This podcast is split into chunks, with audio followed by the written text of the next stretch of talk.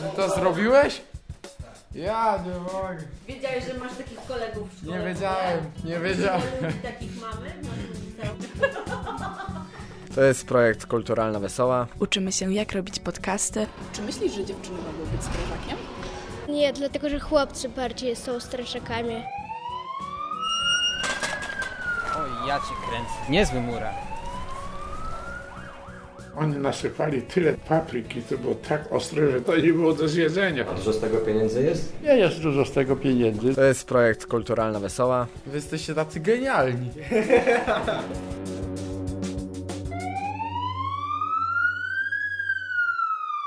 To był wypadek czołowy tutaj na trasie numer 17, trasa na Lublin, gdzie cysterna z paliwem lotniczym miała zderzenie z samochodem osobowym, gdzie stanął ten samochód w płomieniach. E, No niestety mm, osoba jadąca osobówką e, zginęła na miejscu, a w cysternie znajdowało się paliwo lotnicze. Bardzo niebezpieczna sytuacja. Strażak jest bohaterem, który gasi pożary, jak gdzieś jest ogień. No trudno, dlatego że tam musisz pożary gasić, ratować ludzi, którzy są tam w pożarze. I to jest bardzo trudne, myślę. Zazwyczaj zaczyna dzwonić telefon. Jeśli go odbierzesz, to jesteś zapisany na akcję i biegniesz do jednostki.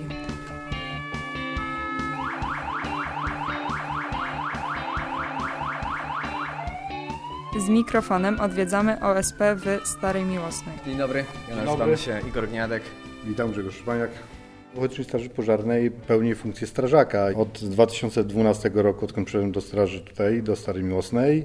W 2013 roku zostałem zastępcą naczelnika. Od 2014 roku jestem naczelnikiem do dnia dzisiejszego.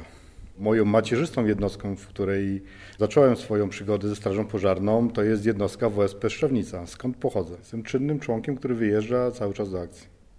Ile razy mniej więcej w tygodniu takie akcje ma, mają miejsce tutaj w okolicy Wesołej? W tym roku już wyjeżdżaliśmy do akcji na terenie Warszawy i poza Warszawę na okoliczne tutaj sąsiadujące gminy, powiaty. To jest jakieś 580 razy, e, a w zeszłym roku wyjeżdżaliśmy też około 500 razy w roku. Od e, dłuższego czasu już Straż Pożarna nie jest tylko strażą pożarną do gaszenia pożarów, tylko do likwidowania wszelakich, e, że tak powiem, skutków nawałnic, skutków powodzi, innych nieszczęść. Może statystycznie przez ostatnie lata najwięcej będzie tak zwanych miejscowych zagrożeń, czyli usuwanie skutków wichur, powodzi, podtopień.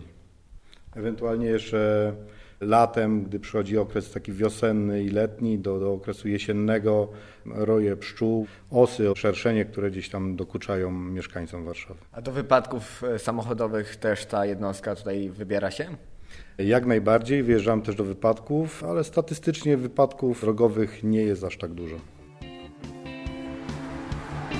O OSP postanowiliśmy również zapytać mieszkańców Starej Miłosnej. Uczestniczyłem kiedyś e, w, nazwijmy to, kolizji drogowej, gdzie uczestniczyła również Straż Pożarna.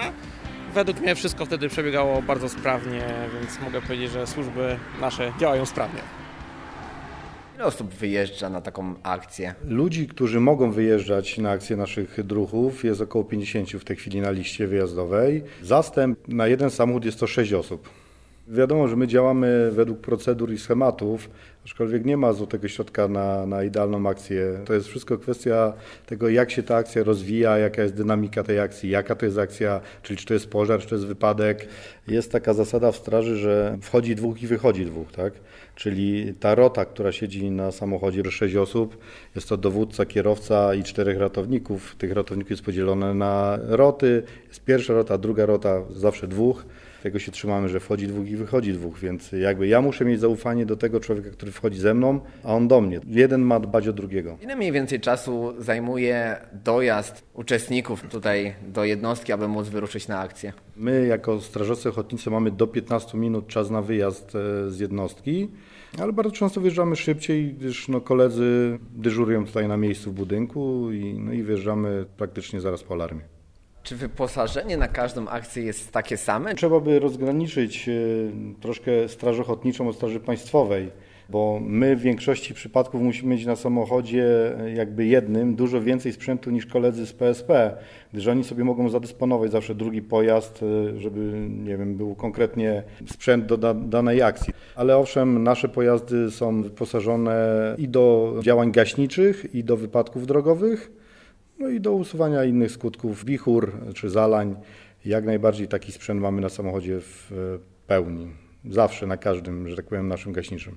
A kto finansuje taki sprzęt w Ochotniczej Straży Pożarnej? Za utrzymanie Ochotniczych Straży Pożarnych odpowiada samorząd. Sprzęt użytkujemy, aż jego stan techniczny pozwala przede wszystkim. Staramy się wymieniać e, taki sprzęt, który jest zużyty. Przez ostatnie 8 lat Straż Pożarna poszła bardzo mocno do przodu. Interesowało nas też, jak wyglądała straż kiedyś. W tej chwili odzież ochronna przede wszystkim poszła bardzo mocno do przodu. Hełmy, nasze nomeksy, tak zwana odzież specjalna. W tych latach 80. czy nawet 70. nie istniało coś takiego. Ubrania były powiedzmy takie zwykłe jak robocze, które miały chronić strażaków. Także to byli dopiero goście, którzy wtedy wchodzili wiesz, do domów, które płonęły. Czyli kiedyś praca strażaka była dużo bardziej niebezpieczna niż dzisiaj, tak? No zdecydowanie. To same harpagany wtedy były w straży tylko.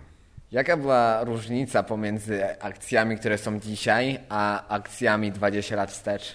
Może w akcjach jako takich nie jest duża różnica, tylko w sprzęcie, który posiadamy na dzień dzisiejszy, a którzy koledzy posiadali wtedy. Spójrzcie nawet na samochody, które jeździły w latach 80. czy 70., typu Star, typu Jelcz, które całkiem niedawno jeszcze w naszej jednostce służyły. Udało się nam zamienić te, te stare, nasze stare Jelcze na nowoczesny sprzęt i to jest przeskok epokowy wydajności pomp, które mamy, węże jakościowo, prądownice, których używamy do gaszenia pożarów, środki pianotwórcze. Tutaj przeskok sprzętowy jest bardzo, bardzo duży. Jaki sprzęt, który jest teraz, umożliwia wykonywanie rzeczy, które nie były możliwe 20 lat wstecz? Jakie to są rzeczy, które teraz straż może wykonać, do których może się udać pomóc ludziom, a które kiedyś nie były nawet do pomyślenia, żeby to coś robiła straż? Ciężko tak odpowiedzieć. Straż po to powstała i po to istnieje, żeby pomagać ratować ludzkie życie i mienie. Tak? Podstawowa działalność straży każdej, nie tylko ochotniczej, ale i państwowej. I wiadomo, że nawet jak nie było sprzętu, to i tak ci ludzie starali się pomagać. Może po prostu my w tych dzisiejszych czasach mamy troszkę łatwiej. Weźcie pod uwagę na przykład sprawienie drabin. Mamy w tej chwili może nie nową drabinę, która wyjechała z fabryki, ja mówię o tej drabinie mechanicznej na, na pojeździe, która jest, ale kiedyś takie drabiny były ciągnięte na przykład zaprzęgiem konnym. Była ta drabina w dużo mniejszym wysięgu. Tu już mamy dużo łatwiej dostać się gdzieś na przykład czy na dach, czy do wyższych kondygnacji. Mój tata to też był strażakiem. W Ochotniczej Straży, Tak, tak? w Ochotniczej Straży Pożarnej. To była taka na wsi Ochotnicza Straż Pożarna. Czy jak pani patrzyła na swojego tatę, to czy może pani chciała kiedykolwiek zostać właśnie strażakiem? Chciała być taka jak... Chyba odważna taka nie byłaś, co? No, no ja się nie nadaję już o pani. Ale nie, jak byłaś nawet młodsza, nie? Ale A nie. no nie, u nas tak kobiety to, to nie, tylko mój brat, tata, no to tak. A ja nie. I tak u nas kobiety to raczej nie, bo, bo wszędzie było na wsi mężczyzn, to oni Dużo się... było, tak? Facetów Tak, to no. mężczyźni się tym Tak, zajmowali. tak, no.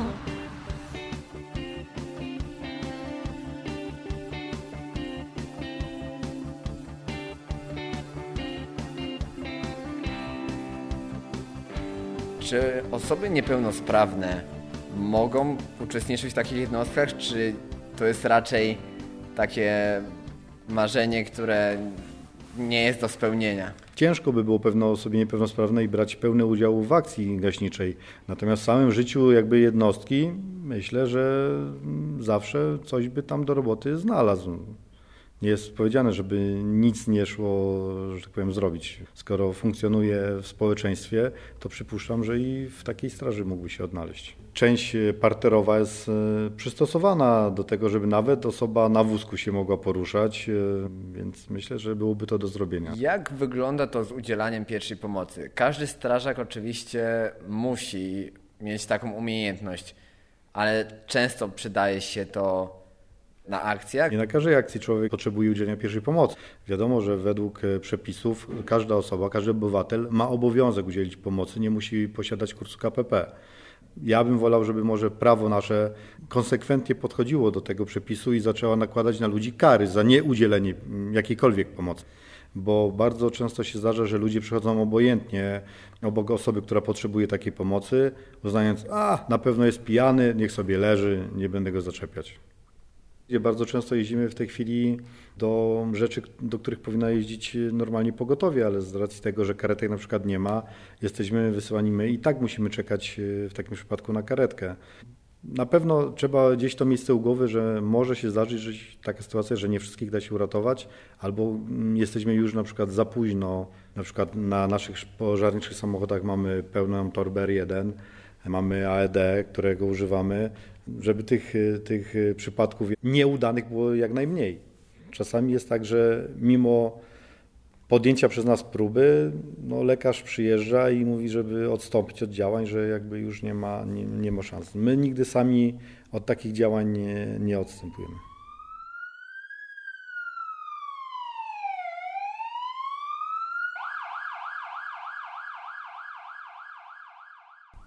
Jak często zdarzają się Wam fałszywe alarmy? Około 20 rocznie. Jeżeli nie są to alarmy złośliwe, typu, że ktoś celowo wysyła nas do zdarzenia, które nie istnieje, to przyjmujemy to w sposób normalny. Są takie tak zwane alarmy fałszywe, ale w dobrej wierze bo może komuś się wydawało, że widział na przykład pożar, który zgłasza, okazuje się po dojeździe, że to nie jest pożar, a nie żadne zagrożenie, ale to jest tak zwany alarm fałszywy w dobrej wierze. Nie reagujemy na niego złością e, czy nerwami. Wiadomo, że jeżeli ktoś robi to celowo, to człowiek e, no, trochę się denerwuje, bo mógł w tym momencie wystąpić wypadek, gdzie bylibyśmy najbliższą jednostką, żeby tutaj na przykład dojechać naszą sąsiadującą drogę, którą mamy zaraz obok, gdzie tutaj jest takie skrzyżowanie, na którym zdarzają się kolizje dosyć poważne i może to ktoś przypłacić życiem.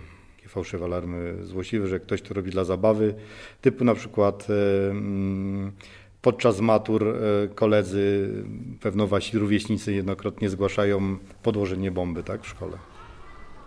Czy myślisz, że dziewczyny mogą być strażakiem? No chyba może nie, dlatego że chłopcy bardziej są strażakami. A czy kiedyś myślałaś o tym, żeby zostać strażaczką? No, kiedy miałam 4 lata, myślałam. Tak, od kilku lat y, w Straży nie tylko ochotniczej, ale i państwowej są kobiety i w naszej jednostce też. A ile jest kobiet w tej jednostce? Około 10 w tej chwili. Ludzi, którzy przychodzą do SP można podzielić na dwie kategorie podstawowe, że chcą pomagać innym i tacy, którzy chcą kontynuować tę na przykład tradycję rodzinną. W moim przypadku są to oba przypadki.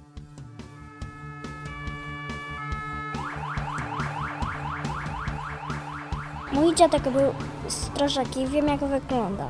Miał taką czapkę czerwoną, a strażak zawsze przy sobie ma pojazd, który jest potrzebny, jak wóz strażacki albo, albo samochód strażacki. Moje zamiłowanie do bycia strażakiem zaczęło się od tego, że mój tata jest strażakiem, mój dziadek. Cała rodzina od strony y, taty jest strażakami Ochotniczej Straży Pożarnej. Do straży przyszedłem jak mój tata, czyli 10 lat temu y, mnie przyprowadził. To nie jest przymus, że muszę to robić, tylko czy chcę to robić na przykład, czy chcę być tym strażakiem.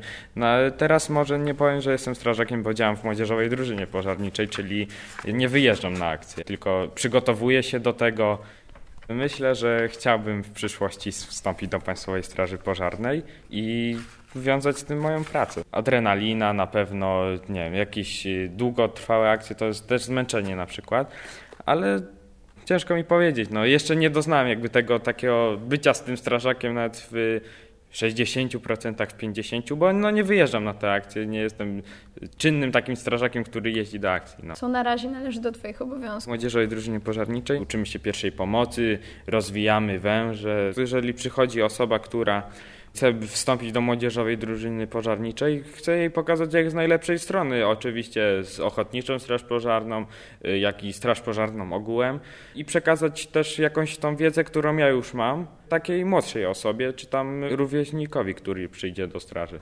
Młodzieżowa drużyna pożarniczej to są osoby od 13 roku życia do 18 roku życia.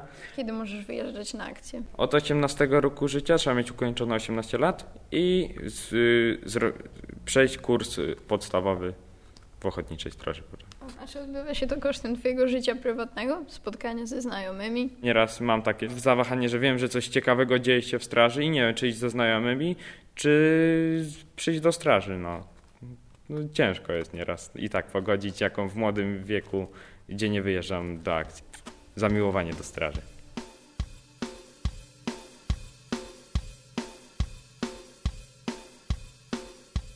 Wiadomo, że najcięższe akcje to wypadki drogowe, gdzie biorą udział małe dzieci. Tutaj pewno jest największe obciążenie jakieś tam psychiczne. Dzięki Państwowej Straży Pożarnej, e, co prawda nie, u nas nie było takiej sytuacji, takiej konieczności, ale myślę, że można by poprosić o rozmowę z psychologiem, jeżeli by była taka konieczność i taka pomoc by została nam udzielona. Wiadomo, że istnieje takie ryzyko, że nie wszystkich da się uratować. Nie musimy się z tym liczyć. Zawsze się o tym rozmawia, że może zaistnieć taka sytuacja, że nie będziemy w stanie uratować wszystkich. No i zdarzają się takie sytuacje, że no, nawet jak dojedziemy na miejsce do pożaru, zostajemy tam e, osobę, która leży przy drzwiach bez oznak życiowych. Oczywiście przystępujemy do reanimacji takiej osoby. Lekarz dopiero po przyjeździe swoim może stwierdzić ewentualnie zgon takiej osoby. No i wiadomo, że gdzieś tam człowiek ma taki niedosyt, że się nie udało takiej osoby uratować. Zawsze staramy się po akcjach rozmawiać o takich trudnych tematach, trudnych akcjach, co można poprawić jeszcze, co można by inaczej zrobić. Głównie rozmową jesteśmy w stanie tutaj pomóc sobie nawzajem. Jak takie akcje bardziej niebezpieczne czy, czy bardziej drastyczne wyjazdy wpływają na Pana życie prywatne? Chciałbym powiedzieć, że w żaden sposób, aczkolwiek e, to pewnie trzeba by mojej rodziny zapytać bardziej niż mnie, czy gdzieś po takich ciężkich akcjach inaczej się zachowuje. Na pewno przychodzi taki moment, gdzie schodzi adrenalina i gdzieś tam człowiek ma jakieś przemyślenia swoje, że może poszło coś nie tak, że może można było zrobić inaczej. To nie jest e, robota na godzinę, to nie jest robota na dzień czy na tydzień. Nie? Albo się to robi, albo nie, albo się tym żyje, albo nie.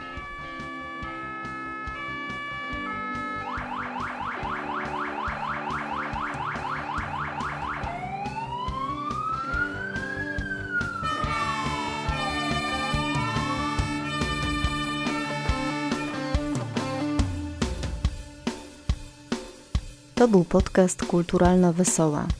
Nagrania przygotowali Aleksandra Świetlicka, Igor Gniadek, Julia Ścisło, Michalina Siwik, Tomasz Garnuchowski i Łukasz Pszczółkowski. Opieka merytoryczna, montaż i realizacja akustyczna Katarzyna Błaszczyk, torba reportera i podcastera.